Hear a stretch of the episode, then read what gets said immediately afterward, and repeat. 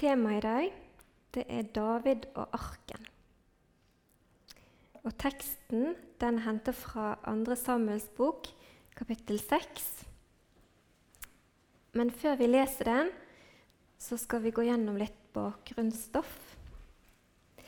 Hadde jeg spurt hver enkelt her hva vedkommende tenker når de hører navnet David, så tror jeg at jeg hadde fått ganske mange forskjellige svar. Noen tenker kanskje på David og Goliat. Andre kanskje tenker på når David falt i synd med Batseba. Kanskje noen tenker på krigeren David. Eller på kanskje når Samuel salver David til konge. I Apostlenes gjerninger kapittel 13 så holder Paulus en tale i synagogen. I Antiokia var det. Og I den talen så minner han jødene på deres historie fra da Gud førte de ut fra Egypt. Og der får vi høre Guds tanke om David. Vi leser vers 21-22. Deretter ba de om en konge, og Gud ga de Saul, sønn av Kis, en mann av Benjamins stamme, i 40 år. Etter at han hadde avsatt han, oppreiste han David til konge for dem. Han ga han dette vitnesbyrd. Jeg fant David, Isais sønn, en mann etter mitt hjerte. Han skal gjøre all min vilje. David han var en mann etter Guds hjerte. Og det er litt av en attest å få. Hva var det Gud så i Davids hjerte, som han ikke så i de andre sitt hjerte, i brødrene sine hjerte? David han var opptatt av å gjøre Guds vilje. Han brydde seg om det som Gud brydde seg om. Vi kan kanskje si at Davids hjerte det slo i takt med Guds hjerte. Og det er denne David vi skal lese om i den teksten om litt. I andre Mosebok, kapittel 25, der kan vi lese om da Gud ga befaling om å lage paktsarken. Det var ei kiste av akasietre, og den var kledd med rent gull inni og utenpå. Vi leser fra andre Mosebok, kapittel 25, vers 10-22. De skal lage en ark av akasietre to og en halv alen lang og halvannen alen bred og halvannen alen høy. Den skal du kle med rent gull, både innvendig og utvendig skal du kle den med gull. Og du skal lage en gullkrans på den rundt omkring. Du skal støpe fire gullringer og feste dem i de fire føttene på arken, to ringer på den ene siden og to på den andre. Så skal du lage stenger av akasietre og kle dem med gull og du skal stikke stengene inn i ringene på siden av arken, så arken kan bæres på dem. Stengene skal bli i ringene på arken, de må aldri tas ut av dem. Og i arken skal du legge vitnesbyrdet som jeg vil gi deg. Så skal du lage en nådestol av rent gull. Den skal være to og en halv alen lang og halvannen alen bred. Du skal lage to kjeruber av gull. I hamret arbeid skal du lage dem og sette dem ved begge endene av nådestolen. Sett den ene kjeruben ved den ene enden og den andre kjeruben ved den andre enden. Dere skal lage kjerubene i ett med nådestolen, én på hver ende av den. Kjerubene skal holde vingene utbredt og oppløftet, så de dekker over nådestolen med vingene. Og ansiktene skal vende mot hverandre. Mot nådestolen skal kjerubene vende ansiktet. Så skal du sette nådestolen oppå arken, og i arken skal du legge vitnesbyrdet som jeg vil gi deg. Og jeg vil komme sammen med deg der. Fra nådestolen mellom begge kirubene som er på vitnesbyrdets ark, der vil jeg tale med deg om alt det jeg vil pålegge deg å si til Israels barn. Det var et litt mørkt bilde, men der er et bilde av, av paktens ark. Og Paktens ark det var den viktigste gjenstanden i tabernaklet, der hvor det ble ofra for eh, folket sine synder. Og Paktens ark den var plassert inne i det aller helligste i tabernaklet, dersom ypperstepresten gikk inn en gang i året for å ofre for folket sine synder. Ypperstepresten strøk da blodet fra et feilfritt lam på nådestolen på paktens ark. Og Paktsarken den var hellig, og den måtte ikke berøres. Og den var et møtested mellom Gud og menneskene. Men da Saul var konge, så kom paktsarken på avveier. For Saul han ble opptatt med mye annet. Blant annet vet vi at han ble jo opptatt av å ta livet av David. Og tapet av arken det betydde at Guds nerver var, var kommet på avveier. For Guds herlighet den hvilte over paktsarken.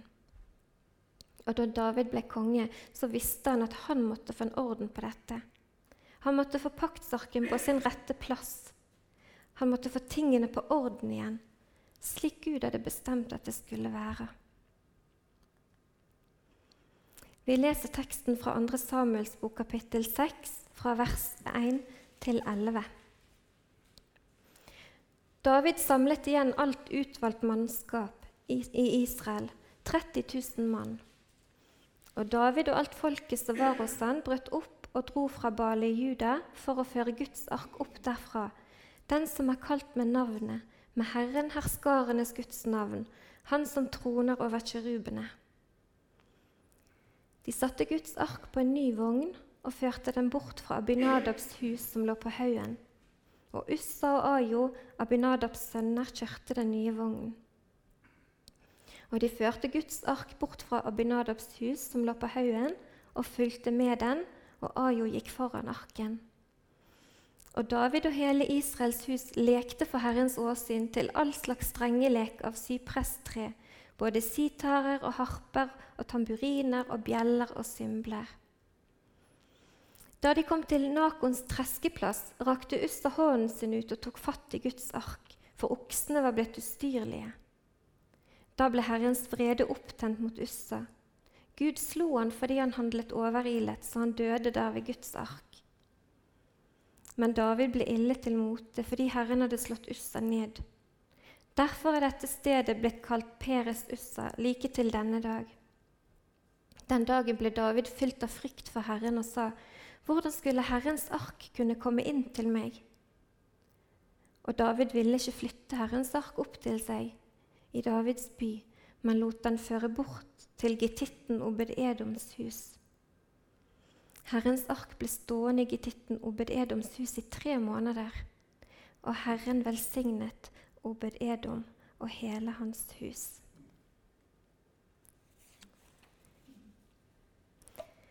Vi leste at David ble sint fordi at Gud hadde slått Ussa ned. Jeg har òg tenkt at det var noe vel å overreagere og ta livet av en mann som ville støtte denne paktsarken, at ikke han falt av vognen og ble skadet og knust. Men Gud han hadde gitt detaljerte instrukser for hvor denne paktsarken skulle fraktes fra sted til sted. Vi leste at nede i hvert hjørne på arken så var det en gullring, og gjennom disse gullringene skulle det være gullkledte stenger. Og Gud hadde gitt tydelig beskjed om at det bare var levittene som skulle frakte arken ved å bære den på stengene oppå skuldrene sine. Hadde David og de andre frakta arken sånn som Gud hadde sagt, hadde ikke Ussa dødd. Men David hadde ikke gjort leksa si. I sin iver etter å frakte arken glemte han å tenke på om Gud hadde gitt noen instruksjoner i den forbindelse og hele opplegget endte i tragedie. Gud har gitt oss mange instrukser i sitt ord. Men tar vi oss tid til, eller bryr vi oss om, å sjekke hva Bibelen sier? Intensjonen til David var god. Han ville gjøre en gjerning for Gud og for folket. Men i sin iver så tenkte han ikke på om Gud hadde gitt noen retningslinjer som skulle følges. I den tiden vi lever i, er det sånn at menneskene vil bestemme sjøl hva som er rett og galt. Man vil leve sånn som man syns er best. Man tenker at det kan ikke være så nøye. En tenker at det går nok bra til slutt likevel. Gud kan jo ikke være så streng. Har Gud virkelig sagt, møtte djevelen menneskene med allerede i Edens hage. Men dette spørsmålet er fremdeles aktuelt i vår tid. Det hjelper ikke at mange mennesker mener at noe er rett hvis Gud har sagt at det er galt. F.eks. hjelper det ikke at, at man vedtar lover som gir kvinner rett til å ta abort, når Gud har sagt at du ikke skal drepe. Og jeg har tenkt en del på at, hva konsekvenser det kan få for landet vårt at man har sånne lover som er helt i strid med det Gud har sagt. Beretningen om David og arken viser oss at Gud er hellig. Han tåler ikke synd. Syndens lønn er døden, står det i Romerne 6,23. Og det fikk sannelig Ussa erfare. Men Gud han er like hellig i dag som han var på Ussa sin tid. Vi kan lese fra Hebreabrevet, kapittel 13, vers 8. Jesus Kristus er i går og i dag den samme, ja, til evig tid. Guds hellighet er uforanderlig. Selv om tidene skifter, så er han den samme. I 2. Samuels bok, kapittel 6, vers 9, der leste vi at den dagen ble David fylt av frykt for Herren og sa:" Hvordan skulle Herrens ark kunne komme inn til meg? Det som skjedde med Usta, førte til at David fikk frykt for Herren. Har vi frykt for Herren? Paulus han skriver om Guds frykt i bl.a. 1. Timoteus kapittel 4, vers 7-8. Men vis fra deg de vanhellige og kjerringaktige eventyrene. Øv deg heller i Guds frykt. Og dette er jo veldig bra, det som kommer nå, da. For kroppslig øving er nyttig til lite, men gudsfrykt er nyttig til alt. Den har løftet både for dette livet og for det som kommer. I Peters andre brev, i kapittel 3, der står det om Jesu gjenkomst. Og i vers 11 så står det at da, når alt dette går i oppløsning, hvor viktig er det da at dere ferdes i hellighet og Guds frykt? Å ferdes i hellighet og Guds frykt innebærer at våre hjerter slår i takt med Guds hjerte. At vi er opptatt av Guds vilje i alle ting. Og I Romerbrevet kapittel 6 vers 19 der står det at vi er et, et tempel for Den hellige ånd, som vi har fått fra Gud. Og kanskje vi må tenke over hva vi fyller inni dette tempelet. Dere tilhører ikke lenger dere selv, står det videre. I Romerbrevet kapittel 12, vers 1-2, så står det Jeg formaner dere altså, brødre, ved Guds miskunn, at dere fremstiller deres legemer som et levende og hellig offer til Guds behag dette er deres åndelige gudstjeneste. Og skikk dere ikke lik denne verden, men bli forvandlet ved at deres sinn fornyes, så dere kan dømme om hva som er Guds vilje. Det gode, det som Han har behag i, det fullkomne. I møte med Guds hellighet, i Guds lys, så blir vi avslørt. Akkurat som når sola skinner inn i stua og vi ser alt støv og urenheter som vi ikke visste var der. Og så tror vi kanskje at alt er rent og fint, men så viser sola oss at det er faktisk ikke det. Og Gud, han ser hver minste synd i hjertet vårt. Og det kan være en skremmende tanke.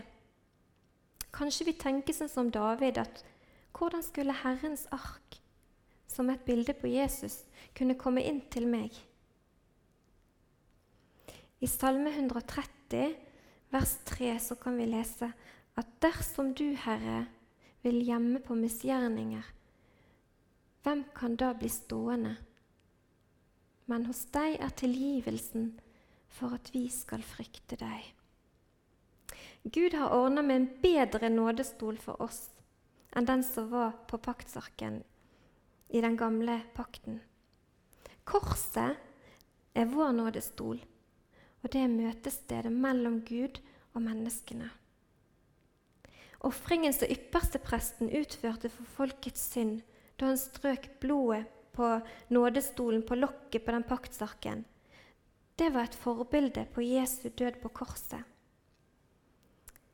Og Jesus, som er den eneste som har levd i pakt med Guds bud, han gjorde opp for våre feiltrinn da han ga livet sitt for oss på korset. Oppgjøret ble tatt én gang for alle, og ingen synd er for stor til at ikke Jesu blod kan rense den vekk. Det trengs ikke lenger offer for synd. Paktsarken er borte. Det er ingen som veit hvor han er. Men Jesu offer på Golgata det er den nye pakt som gjelder fremdeles. Og den gjelder enda i dag.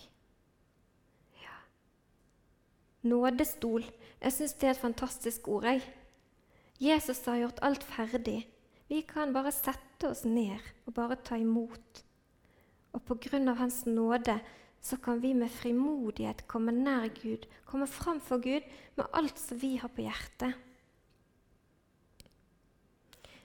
Vi skal ta med et par vers fra Titus, kapittel 2, vers 11 12. For Guds nåde er åpenbar til frelse for alle mennesker den opptok der oss til å fornekte ugudelighet og de verdslige lystne, til å leve sedelig og rettferdig og gudfryktig i den verden som nå er. Selv om David var en mann etter Guds hjerte, så feiler han. Han var ikke perfekt. Å være et menneske etter Guds hjerte betyr ikke at vi er perfekt. Men det betyr at vi er sensitive i den betydning at hver detalj som Gud har sagt, er viktig. For når vi hastig durer fram i egenrådighet, når vi tror vi veit hva som er Guds vilje, og handler deretter, så vil det få ubehagelige konsekvenser. I Davids situasjon så førte det til at Ussa døde. La oss ta lærdom av dette. La oss være mennesker etter Guds hjerte som søker hans råd og instrukser i hans ord, og som gjør som han har sagt i alle ting. Vi må ta Gud på alvor, og i det som for oss synes som detaljer. Det tok tre måneder før David vågde å føre Guds ark til Jerusalem. Og I den perioden leste vi i at arken sto i Obed-Edoms hus, til stor velsignelse for han og hele hans hus. David reiste så et telt for paktens ark i Jerusalem. Vi skal lese fra første krønikebok, kapittel 15, vers 1-4. Siden bygde han seg flere hus i Davids by. Han gjorde også i stand et sted for Guds ark og reiste et telt for den. Da sa David, ingen må bære Guds ark uten levittene, for dem er Herren utvalgt til å bære Guds ark og til å tjene Han for alle tider. Så samlet David hele Israel til Jerusalem for å føre Herrens ark opp til stedet han hadde gjort i stand for den. Og David kalte sammen Arons barn og levittene. Så kalte, så kalte David til seg prestene Sadok og Ebiater og levittene Uriel, Asaya, Joel, Semaya, Eliel og Aminadab. Han sa til dem, dere overhoder for levittene, hellige dere, både dere og deres brødre, og før Herrens Israels Guds ark opp til det stedet jeg har gjort i stand for den. Det var fordi dere ikke var med første gang at Herren vår Gud brøt inn blant oss for vi søkte han ikke på den rette måten. I The New American Standard Bible så står det Because you did not carry it at the first, the Lord our God made an outburst on us, for we did not seek him according to the ordinance. Altså sier David til levittene, eller prestene, da, at fordi dere ikke bar han, altså arken, første gangen, så hadde Gud et utbrudd imot oss for vi søkte ikke Han i henhold til forordningen. Hva hadde skjedd? Kanskje en av Davids rådgivere, eller kanskje Gud sjøl minner David på hva han hadde sagt angående transporten av arken. I alle fall ble det sånn at når David ble oppmerksom på hva Gud hadde sagt, så fulgte han det. Og arken ble fraktet til Jerusalem med jubel. Det kan vi lese i første krønikebok, kapittel 15, vers 28.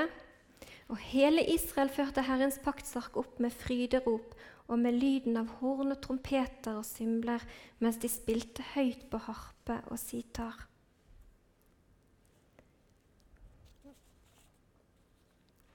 Vi skal lese litt videre fra vers 29 i samme kapittelet. Men da Herrens paktsark kom inn i Davids by, da så Mikael, Sauls datter, ut gjennom vinduet. Hun så kong David hoppe og danse, og hun foraktet han i sitt hjerte. I 2. Samuels bok, kapittel 6, vers 20, kan vi se at det står da David kom hjem for å velsigne sitt hus, gikk Mikael, Sauls datter, ut imot han og sa:" Hvor høyt Israels konge er blitt æret i dag, han som i dag har blottet seg for øynene på tjenestejentene til tjenerne sine, slik som simple folk pleier å gjøre. Det var òg noe å bli møtt med når man kom hjem ifra en flott fest David hadde lagd i stand en stor feiring. Han hadde velsigna folket, og han hadde delt ut mat til hver eneste en. I slutten av kapittel 6 så står det at Mikael ble barnløs til sin dødsdag. Mikael og David hadde helt forskjellig fokus. David hadde sitt fokus på Gud, men Mikael var opptatt av hva alle andre måtte mene. Og Kanskje noen av oss er sånn som Mikael, at vi tenker mer på hva menneskene mener, enn på Gud. Men la oss være sånne som David, som ønsker å følge Guds forordning. Og så når vi får høre noe fra Guds ord, så tenker vi hvordan kan jeg få dette inn i mitt liv? Til avslutning vil jeg lese et vers fra en sang som jeg er veldig glad i. da. Vi har brukt den i mange store begivenheter i i livet. Hvor stort, min Gud, at jeg ditt barn får være og lever i de frie nådepakt. Det alt er ferdig, jeg skal ikke gjøre, men bare hvile i det du har sagt. Vi har en nådestol hvor vi kan hvile i det som Jesus har gjort for oss. Skal vi takke Jesus for det? Takk, kjære Jesus, for din nåde som er ny hver dag. Takk, Jesus, at ditt blod renser oss ifra all synd. Og takk at din nåde den er større enn all synd. Takk at du har åpna veien inn til Gud for oss. Og Jesus, hjelp oss til å stå fast på ditt ord, til å søke ditt ord og til å, å tørre å holde det fram òg når det er vanskelig. Hjelp Jesus, de som styrer landet vårt. Må du vende hjertene deres til deg, Herre. Hjelp oss å huske på dem og be for dem. Amen.